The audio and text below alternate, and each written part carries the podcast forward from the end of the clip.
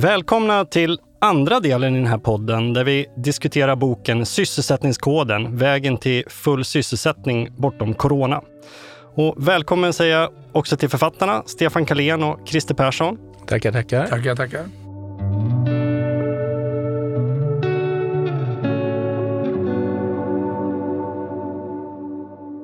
I förra delen pratade vi om full sysselsättning och arbetslöshet och kanske framförallt om vilka problem som massarbetslösheten för med sig för individen och samhället. Och I den här delen ska vi ta en titt i backspegeln och se på historien och prata om ekonomisk teori och politik för att förstå hur vi har hamnat där vi är idag. Men också för att leta efter de verktyg som arbetslösheten kan bekämpas med. Just det här med ekonomiska teorier och ekonomisk politik kan ju kännas komplicerat och snårigt, men vi ska försöka bena ut det här och titta på de stora dragen, eller snarare på den stora striden. I er bok så skriver ni att det genom historien fram till idag finns två ideologiska eller ekonomisk-politiska motpoler. Vilka då, Stefan? Man kan väl säga så här att Allting är ju naturligtvis mycket mer komplicerat, men vi försöker att renodla de här två olika riktningarna som vi kan se i historien. Och då kan man säga att den ena riktningen i det ekonomiska tänkandet, den handlar väldigt mycket om att man ser att marknadsekonomin är en väldigt effektiv och självläkande mekanism som gör att eh, man kan lämna så mycket som möjligt åt marknaden att lösa i stort sett alla problem. Den andra motpolen menar visserligen att marknadsekonomin kan vara effektiv, men att den har en inneboende instabilitet. Och ska den kunna fungera så krävs det mycket statlig inblandning för att se till att den här marknaden ska kunna fungera. Och om man utgår från de där två olika motpolerna så leder det fram till dels olika tänkande men också olika förslag på hur man ska lösa de, de ekonomiska problemen utan att gå in allt för djupt på det kan man väl säga så här att tror man på att marknaden är väldigt perfekt, ja, då försöker man få bort allting som hindrar marknaden från att vara perfekt. Och då kommer vi tillbaka till det här. Och då finns det skatter, a-kassa, fackföreningar, arbetsrätt och så vidare. Men ser man att marknaden är instabil och behöver ha olika statliga och andra ingrepp för att kunna fungera. Då är det snarare de sociala frågorna som är intressanta. Det vill säga att det är positivt med skatter, det är positivt med starkt anställningsskydd och det är också positivt med bra socialförsäkringar och starka fackföreningar. Och de här motpolerna då, de har ju dominerat under olika perioder de senaste hundra åren och präglat den ekonomiska politiken och därmed sysselsättningen och arbetslösheten. Skiftena har ofta skett i samband med ekonomiska kriser som ett svar på kriser och växande arbetslöshet.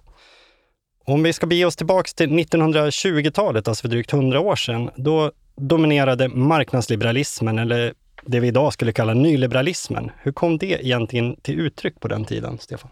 Den politik man förordade på den tiden, det var ju i stort sett att statens finanser, det var en, en budget, en plånbok helt enkelt. Och att eh, man tyckte att den ska hållas ganska stram och det ska vara så begränsad som möjligt. Man hade ju då en, en helt annan syn på varför det uppstod arbetslöshet. Man ska vara riktigt ärlig så enligt den tidens teori så kunde det inte uppstå arbetslöshet, men man kunde ju ändå se, vänta nu, det finns arbetslöshet här.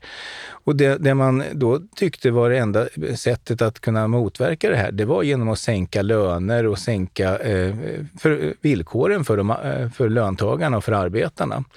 Och det var den politiken man drev, men den ledde ju inte till att arbetslösheten blev lägre, utan vi fortsatte få de här kriserna helt och hållet. Och där satt man fast i ett ganska, vad ska vi kalla det för, ett, ett tänkande som ledde en fullständigt fel, skulle jag vilja säga. Men just det här med lönerna då, att, att det ansågs vara problemet, att de hade stigit för mycket. Hur, hur tänkte man då? Ja, tanken var så här, vanlig hederlig marknadsekonomi. Alltså om man, anledningen till att arbetslösheten var hög, det var att lönerna var för höga. Sänker vi lönerna så sänker vi också arbetslösheten. Det vill säga, lönerna var priset på arbete. Och sänker vi priset på arbete kommer fler efterfråga arbete och då får vi full sysselsättning. Det, det de inte såg som elementärt egentligen, det borde ha varit, det var att lönerna är en kostnad för arbetsgivaren och företaget, men lönerna är också en inkomst. Och när man sänker lönerna så sänker man efterfrågan. Blir efterfrågan för låg då minskar tillväxten och då ökar arbetslösheten. Så man såg bara en del av den här fiskala eller stabiliseringspolitiska konservatismen. Den var ju cementerad alltså, så att säga. Men den drevs ju då av, den drevs ju av, eh, den drevs av borgerliga, borgerliga regeringar och den ekonomiska politiken hade ännu inte utvecklats tillräckligt mycket. Och anledningen till att man också tänkte så, det var att man utgick från att marknadsekonomin var perfekt, att den inte hade några problem. Vilket vi uppenbart vet idag att den är, har en innebörd inneboende instabilitet. Mm. Och det där visade sig ganska tydligt i början på 30-talet under den stora depressionen då arbetslösheten sköt i höjden i många länder. I Sverige gick till slut var tredje arbetare utan jobb och det är ju, vansinnigt mycket även jämfört med den höga arbetslöshet vi har idag. Och då utmanades de här marknadsliberala dogmerna av ett nytt synsätt som du var lite inne på, Christer. Ja, det var ju då den förnämlige, en av de största, om jag får slå ett slag för honom, de största samhällsvetarna vi har haft i världshistorien, nämligen Lord John Maynard Keynes. Det är någon lite av, han är fantastisk. Jag har, jag har hans stora verk då översatt till svenska och där han visade att efterfrågan har en betydelse och man måste driva en aktiv konjunkturpolitik för att reglera konjunktursvängningar och reglera det med tillväxten och så vidare. Och är det så att man har en underefterfrågan så måste staten gå in på olika sätt för att öka efterfrågan och minska arbetslösheten. Så hans tänkande var revolutionerande och den fortplantade sig då till olika länder, bland annat i Sverige. Det fanns ett antal progressiva människor, ekonomer, som gick under namnet Stockholmsskolan med Erik Lindahl, eh, Lundberg, eh, det fanns flera. Gunnar Myrdal. Gunnar Myrdal inte minst, har rätt i det, får inte glömma Gunnar Myrdal. Och sen var det då kloka socialdemokrater som Ernst Wigforss som anammade detta. Eh, den socialdemokratiska regeringen så att säga tillämpade de här teorierna så att säga genom en aktiv konjunkturpolitik. Så att det var ju ett brott, ett definitivt brott mot den gamla ordningen. Ja, det var ju det här krisprogrammet som man eh, ja. gick till val på, ja. Socialdemokraterna ja. 1932, som var starkt influerat av, av då Wigfors eh, tänkande och Stockholmsskolan. Eh, och som sen genomfördes. Eh, om vi ser till resultatet av den här nya ekonomiska politiken som vi kan kalla keynesianismen, den aktiva finanspolitiken. Hur såg det ut? Ja, resultatet var ju att man lyckades ändå. Nu har inte jag siffrorna här exakt. Va? Man lyckades ju pressa ner arbetslösheten. Man gjorde ju också då politiskt en, en väldigt genial uppgörelse med Centerpartiet, eller Bondeförbundet som det heter då, 32-33. Och det innebar ju att man gradvis från början av 30-talet pressade ner arbetslösheten och fick ordning på ekonomin med den här typen av politik. Och sen fortsatte man ju även efter kriget med den här, det var ju då fick den storhetstiden för den mer aktiva finanspolitiken. Mm. Och det var ju inte bara i Sverige, man ska nog nämna New Deal också i USA, ja, där ja. man också anammade den här typen av politik och där pressade man också ner arbetslösheten. Sen är det som historien lär oss att det är tidskrävande att pressa ner en hög arbetslöshet. Det tog eh, ett antal år och eh, det var också så att andra världskriget kom där också och bidrog på ett lustigt sätt också till att pressa arbetslösheten och öka arbetsmarknaden det jag ändå tycker är väldigt viktigt att säga här, att här ser vi väldigt tydligt då att man bröt mot den gamla nyliberala tankesättet, eh, eller marknadsliberala tankesättet och att man istället såg behovet utav att en mer aktiv stat gick in, men också behovet av att lyfta välfärdsfrågor och sociala frågor på ett helt annat sätt. Det var också så att man reglerade ekonomin på olika sätt, eller Finansmarknaden och arbetsmarknaden blev mer Ja, reglerad. alltså det gjorde man ju. Eh, att man reglerade finansmarknaden berodde mycket också på Krügerkraschen och bankkrisen som kom då. Eh, sen ska man ju veta som Stefan säger, och det är viktigt att säga det, att i samband med det här så kombinerar man ju det här omläggningen av ekonomiska politiken med en, en aktiv eller mera så att säga expansiv välfärdspolitik som började på 30-talet där man införde socialförsäkringar och förbättrade och sen pågick hela tiden. Det gick hand i hand. Den keynesianska ekonomiska politiken i hand i hand med den generella välfärdspolitiken. Det finns en, Polanyi brukar nämna hur viktigt det är att man bäddade in marknadsekonomin ja. i välfärdsstaten på ett ja. väldigt tydligt sätt. Det kan man säga, då, då kan marknadsekonomin fungera. Men, men problemet är att när man släpper loss den för mycket och tar bort alla de här delarna, det är då den ställer till med så stora eländen helt enkelt. Efter andra världskrigets slut, 1945 och framåt, så sjönk arbetslösheten i Sverige ner mot 2 procent. Mm. Och där någonstans skulle den ju stanna kvar under många år och decennier. Svensk ekonomi boomade, men då uppstod det andra problem. I er bok så citerar ni en rapport från 1947 skriven av LO-ekonomerna Gösta Rehn och Rudolf Meidner. De skriver så här. För första gången befinner vi oss i ett samhälle med full sysselsättning. Detta är ett tillstånd som länge varit målet för den ekonomiska politiken. Men ett dylikt samhälle medför en rad svårigheter, varom man hittills inte haft någon motsvarighet. Vad var det för svårigheter som uppstod och hur hanterar man dem, Stefan? De stora svårigheterna som eh, Rudolf Meidner och Gösta Rehn såg då, det var ju att vi hade fått en extremt hög inflation och helt plötsligt hade det som tidigare var det stora problemet, arbetslösheten, var inte längre ett problem, utan det var överhettning och inflation. Och för att göra en lång historia kort här så, så, testade man massor med olika saker för att försöka minska inflationen. Ett var till exempel att ta bort omsen, som momsen hette på den tiden, men det var man bara tog ut det en enda gång. För då tänkte man, om man tar bort den så sänks ju priserna, alltså ska inflationen gå ner. Men det man inte såg då att en skattesänkning i en hög överhettning ledde ju till ännu mer överhettning, så priserna fortsatte öka. Och man testade även att, eh, att man skulle då hålla igen igen på lönerna, det vill säga att lönerna inte skulle öka. Men det ledde bara till att vi fick en osolidarisk lönepolitik, därför att i glidande branscher så gled ju lönerna upp i alla fall, så det hjälpte inte så mycket. Så det, de, de, de här problemen var väldigt svåra att hantera, för det fanns egentligen ingen teori om det här vid den tiden. Utan Gösta Rehn och Rudolf Meidner formulerade tillsammans med andra LO-ekonomer naturligtvis också då det som kallas idag för ren Meidner-modellen där de var väldigt tydliga i att i den här överhettade situationen så är det statens uppgift att bedriva stabiliseringspolitiken och den ska i sådana fall leda till, i det här fallet, till en åtstramning och de föreslog ju skattehöjningar som sen skulle kunna användas till sociala eh, delar. Då. Men de var ju också viktigt att säga att lönepolitiken, det var den andra delen, det var ju, eh, var ju parternas ansvar lönerna då skulle öka med en solidarisk lönepolitik. Det vill säga att man skulle trycka upp de lägsta lönerna och man skulle hålla, se till att ingen skulle då ligga efter. Och det ledde ju till att företag slogs ut naturligtvis, alltså olönsamma företag slogs ut.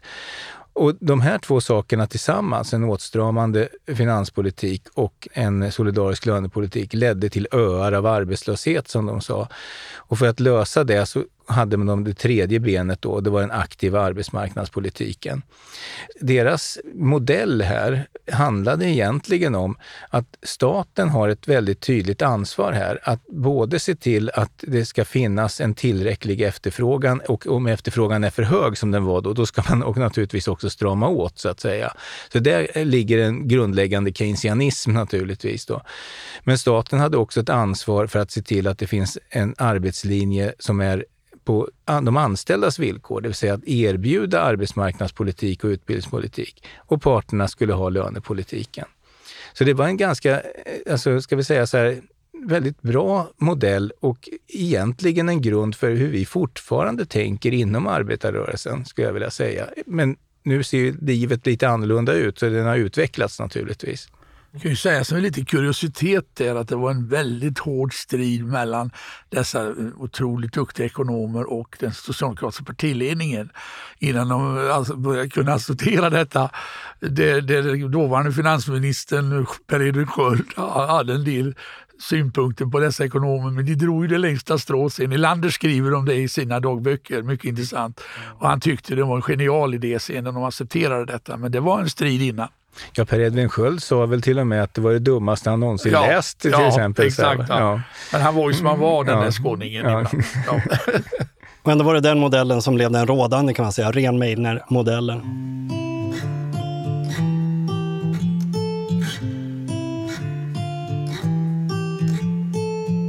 Under flera decennier efter andra världskriget blev ju full sysselsättning ett slags normaltillstånd, åtminstone i Sverige. Men Sen börjar det knaka i fogarna framåt 70-talet. Varför då?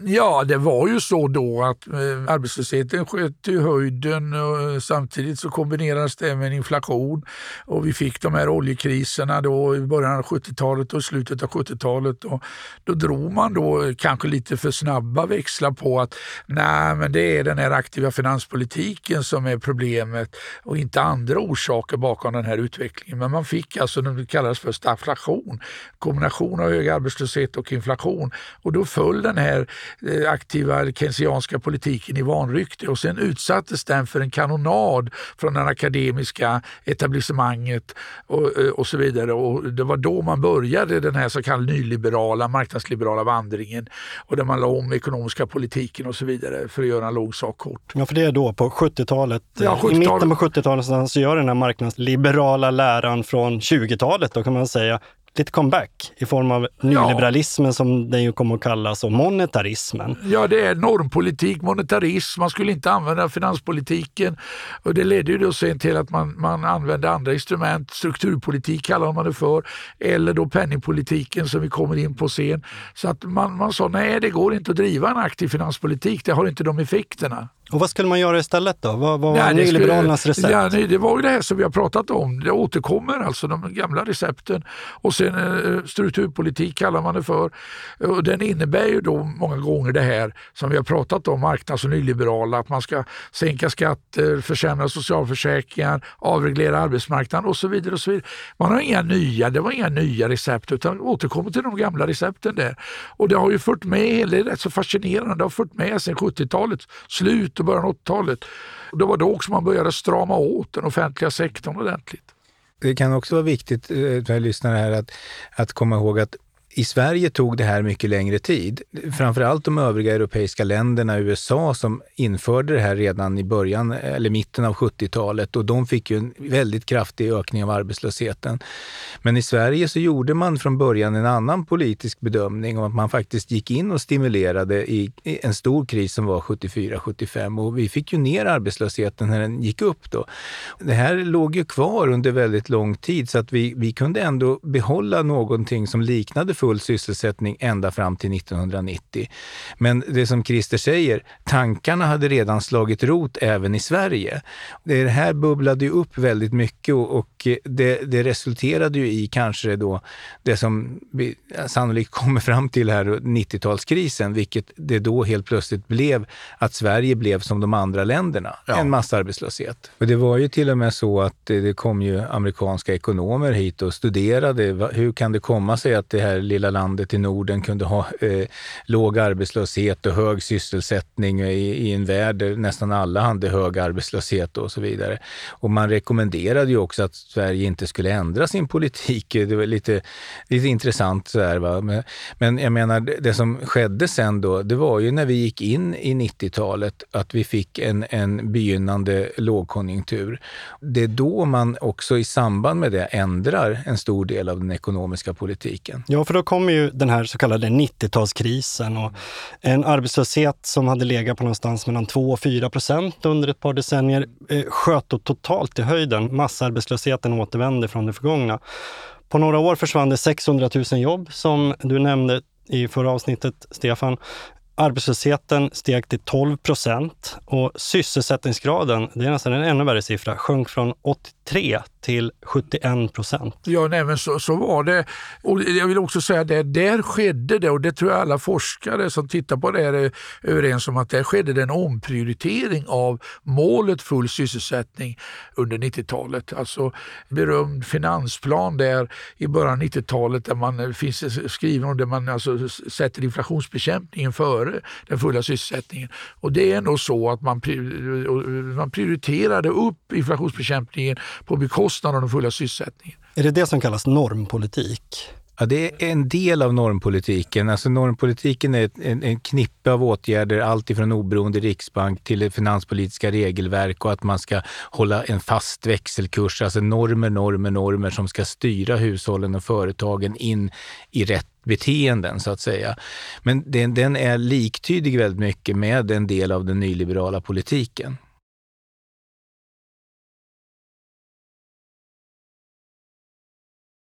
Ja, ja, man prioriterar, det är ingen tvekan, man prioriterar ner arbetslöshet. Och det ledde också, eller sysselsättning, fulla sysselsättning och det ledde också då till att man la större ansvar på den enskilda individen att eh, skaffa ett jobb och behålla ett jobb och så vidare. Och statens insatser för att skapa full sysselsättning skulle inte vara lika ambitiösa som tidigare hela det här omslaget då i, i den ekonomiska politiken, den, den sammanfaller också just med den, den eh, största kris vi har haft sen i Sverige. 90-talskrisen är ju någonting som vi ännu inte har återhämtat oss ifrån. Hur förhöll sig då arbetarrörelsen och socialdemokratin till den här nya ekonomiska regimen, Stefan? Det vart ju en borgerlig regering 91 eh, då som tog över och då hade vi redan gått in så att säga i den här krisen. Och där, där kan man väl säga att det var, det var två saker som var väldigt tydliga. Det, det ena var ju att man normen att hålla en fast växelkurs, den låg väldigt stark. Och då hade ju Sverige haft en högre inflation än våra konkurrentländer, vilket gjorde att den svenska kronan var lite övervärderad, inte så lite heller, 20-25 procent övervärderad. Och när man efter då ett år i början av eh, hösten 92 kunde konstatera att 300 000 jobb hade försvunnit. Då går man in ifrån Riksbankens sida och gör den här berömda räntehöjningen till 500 procent. Det gjorde man i september 92 för att på så sätt blidka marknaderna. Och för att än mer blidka marknaderna så gick, man ju, eh, gick ju både Bildtregeringen och men socialdemokratin gjorde ju ett krispaket tillsammans där på, på den tiden ganska höga 40 miljarder kronor i en åtstramning. Och den här åtstramningen, det vi, det vi känner från den, det är att två av semesterdagarna försvann, karensdagen infördes, alla bostadssubventioner i stort sett försvann. Och det här är att göra både höga räntor och åtstramning i finanspolitiken i en lågkonjunktur. Det ledde till att ytterligare 200 000 ganska snabbt blev arbetslösa och sen så blev det ytterligare 100 000 så att 600 000 jobb försvann under den här tiden. Och det man kan säga så här att det var ju en, en väldigt, väldigt turbulent tid med, med negativ tillväxt, hög arbetslöshet och sen så fick ju Socialdemokraterna tillbaka makten. Men fortfarande låg ju mycket av det här tänkandet, hur ska vi kunna hantera ekonomin i det här läget? Och eh, man hade ju också då både det här med oberoende riksbank och finanspolitiska regelverk kom ju där eh, under den här perioden, skulle man kunna säga. Krispolitiken i form av åtstramningar fortsatte ju. Och en intressant fundering man kan ha där, det är hur reagerade LO och liksom resten av arbetarrörelsen på den här hårda åtstramningspolitiken som regeringen Karlsson och sen Persson genomförde? Eh, ja, alltså jag kan säga det att jag var delvis med. Jag var ju i statsrådsberedningen då och kom från LO och eh, spänningarna blir större och större mellan LO och socialdemokratin. Och inte minst blir det när 97, kommer jag ihåg, en åtgärd där man, där man alltså sänkte eh, ersättningsnivån i sjukpenningen från 80 till 75 procent. Jag tror det gjordes i a-kassan också. Mm. Sen justerade man det senare några år och det, det tog väldigt hårt på LO. Bland annat den gamle chefsekonomen P.O. Edin var ute väldigt mycket där och var tydlig. Och jag tycker, om man får vara lite personlig i det sammanhanget, det hade varit tacknämligt om de båda grenarna av arbetarrörelsen försökte hitta en gemensam linje. LO kanske bromsade ibland lite för mycket och partiet gick för långt åt det här hållet vi beskriver. Jag var ju också med eh, så, vid sidan om under, under 90-talet och jag tycker att det fanns ju en, en en sån påverkan ifrån det här, kalla det nyliberala tankesättet, att det, det handlade om att för att rädda välfärden var man tvungen att visa att man menade allvar genom att skära ner i välfärden för att kunna blidka marknaden. Det var lite så, den här återkom väldigt många gånger. att När, när LO föreslog att ja, nu vill vi satsa här, då säger nej, då kommer eh, finansmarknaden att straffa oss med höga räntor. Så det bästa vi kan göra är att skära ner lite i välfärden, för då kan vi rädda... Och hela det här resonemanget var, var väldigt starkt där under 90-talet, skulle jag vilja säga. Och, och det tycker tycker jag är ett av de mer, knepiga sakerna nu när vi ser på det här långt i efterhand. Alltså, alltså att man ändå trodde att finansmarknaderna hade den enorma makten som de ändå hade på den tiden.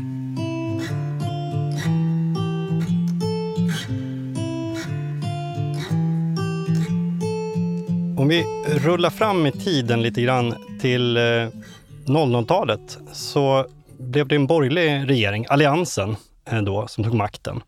Man slaktade a-kassan och sänkte skatterna då, inkomstskatten under devisen det ska löna sig arbete. Vi var inne på lite det förra avsnittet. Vad var det som låg bakom den här politiken, Stefan? Här kom ju den allra, alltså den sista delen i, i hela den riktiga nyliberala revolutionen. Om man börjar med att säga att, jo, men att man ska ha en finans ekonomisk politik där egentligen bara penningpolitiken ska vara den som med räntor ska kunna fungera medan finanspolitiken i stort sett ska vara en budget, liksom så här, om man ska uttrycka mig frankt. Då. Så kom ju den här sista delen, ja men hur ska vi då göra? Ja, då är det ju det här som finns i ta bort stelheter, bidra till drivkrafter som man använt som ett mantra ifrån eh, från marknadsliberalt håll. Sänka trösklarna på arbetsmarknaden. Sänka trösklarna på arbetsmarknaden och, och framför allt kan man väl säga, det, det stora delen var ju de här eh, jobbskatteavdragen som då eh, kostade oerhört mycket men som man då menade skulle då leda till att de här grupperna som stod långt från arbetsmarknaden skulle kunna komma in och minska arbetslösheten där. Vi skriver ju i Reinfeldt-koden, då Stefan och jag, Daniel Suhonen, om att de attackerade tre pelare. Det ena är då arbetsmarknadens pelare där man avreglerade arbetsmarknaden. Införde bland annat det här som har varit stora problem med allmän visstidsanställning exempelvis som innebär att arbetsgivaren får hela inflytandet över vem man ska anställa på tidsbegränsat utan att motivera och så vidare. Väldigt, väldigt långtgående. Det andra var attackerna mot socialförsäkringarna och det tredje var attacken mot hela så att säga, den offentliga verksamheten, skolvård och omsorg med privatiseringen, new public management. Ovanpå det ligger då skattesänkningen. Jag tycker vi sammanfattade det bra i, i den boken. Och det var ju en, en bredsida och det var en bredsida mot fackföreningsrörelsen också. Det var ju då, för det första, eh, utträdet till a-kassan var gigantisk. Och det andra var ju att också var ju då eh, eh LO tappade en stor del av, eller väldigt många gick ur facket därför att det var för, blev för dyrt att gå med i facket. Man fördyrade ju medlemskapet i facket något enormt. Så det var en väl alltså, genomtänkt strategi från den dåvarande högerregeringen eh, med, med Reinfeldt i spetsen. Det går inte att komma ifrån. Samtidigt, under den här första regeringsperioden eh, mellan 2006 och 2010 då ju nyliberalismen kanske stod på sin topp, så inträffade ju Lehmankraschen och finanskrisen som på många sätt välte allting över ända. Det kan ju också ses lite som en krasch för nyliberalismen, tänker jag. Och då gjorde keynesianismen i alla fall en tillfällig comeback, eller hur? Ja, Christian? det gjorde de. Jag gjorde det, det är helt riktigt. Eh, ett antal år därefter så uh, gjorde land efter land så att man stimulerade ekonomin, drev en aktiv finanspolitik. Tyvärr så, så dog den politiken relativt tidigt efter, efter något år eller efter två år. Så att det gjorde, och inte bara det, utan efter den krisen så ändrades ju tänkandet.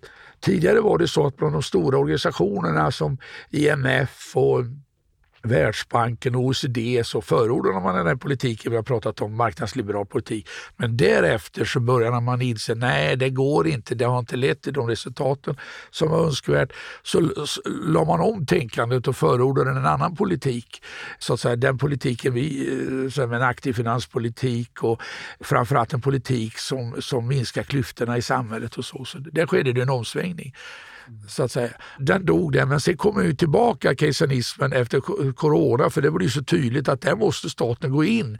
Annars får du en kollaps i ekonomin i stort sett. Ja, för, för coronapandemin och coronakrisen slog ju till 2020 ja. och välte alla principer över bord känns det som. Mm. Eller, eller hur, mm. Stefan? Ja, nej, men vi, vi pratade ju om det att, att, eh, när vi ska, att det var ju som en mental islossning hos många, att här måste staten gå in och, och ta ansvar och stimulera på olika sätt och så.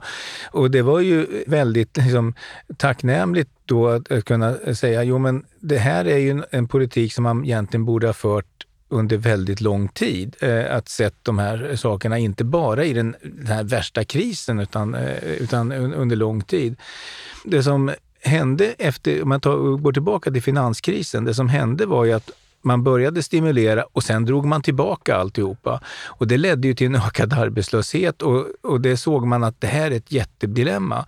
Och det vi varnar för i boken är ju att, att nu stimulerar man, men risken är att man drar tillbaka det igen och då fortsätter ju arbetslösheten att öka och klyftorna att öka igen. Då. Amerikanerna var ju ett litet undantag mm. där. Vi har i boken eh, Obamas stora satsning, mm. den gav ju resultat på mm. tillväxt och sysselsättning. Ja, under finanskrisen, ja. ja. Och, så här. och det är väl det är eh, nu när vi sitter eh, här och ska blicka mot 2023 så är det ju precis tyvärr det, detsamma som vi ser i, i, i alla fall i Sverige. Att eh, vi går in i, i en ny lågkonjunktur som har andra orsaker men som faktiskt kommer att mötas med höga räntor och en åtstramande finanspolitik. Ja, vad, vad kan man säga om dagens ekonomiska läge, alltså sent 2022 när vi sitter och spelar in det här? På senare tid har det ju talats väldigt mycket mer om inflationen än om arbetslösheten. Eh, vad är det som har hänt egentligen? Ja, nej men alltså inflationen är ju på, den, det, det, att man gör det är inte så konstigt för den har nu skjutit i höjden enormt då från legat eh, eh under kring 2% upp till nu eh, 10 Och den inflationen den är inte efterfrågestyrd och den beror inte på för stora lönekostnader i förhållande till produktivitet utan det beror på att priserna från utanför Sverige när det gäller insatsvaror, energi, mat och så vidare eller råvaror till maten har ökat kraftigt och de har fått detta.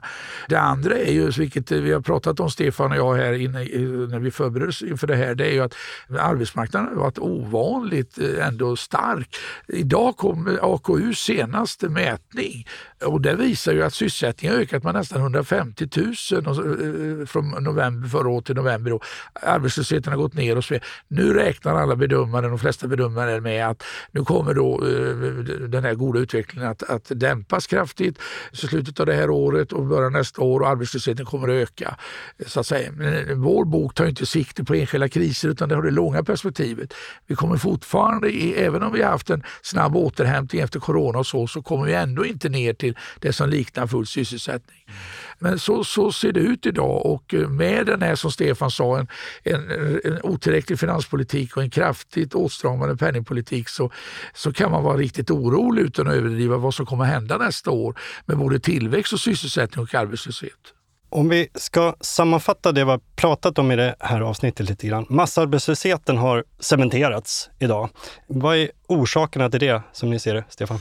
Mycket enkelt. Vi har haft en, en alldeles otillräcklig efterfrågan under väldigt lång tid som har då bidragit till att vi inte fått tillräckligt många jobb samtidigt som vi har fört en, en politik som gjort att vi inte kunnat eh, nå de grupper som är mest utsatta på arbetsmarknaden. Vi har haft en alldeles för, för svag utbildnings och arbetsmarknadspolitik, alldeles för svag arbetslivspolitik.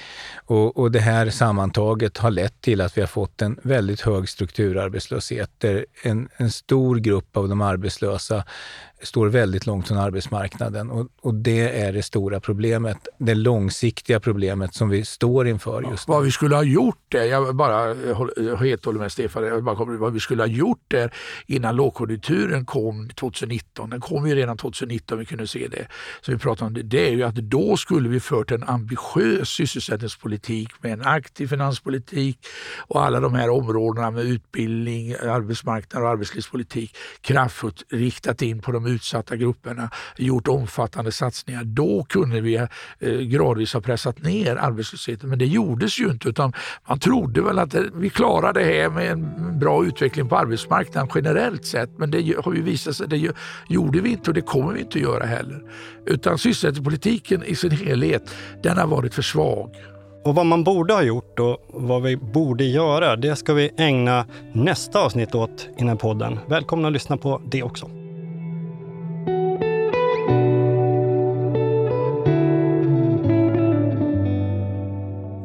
Lyssnat på andra delen av ett samtal mellan journalisten Kent Werne och författarna till boken Sysselsättningskoden, Stefan Karlén och Christer Persson. Boken är utgiven av Leopard förlag och kan beställas på förlagets hemsida eller från din nätbokhandel. Avsnittet är producerat av Stray Dog Studios.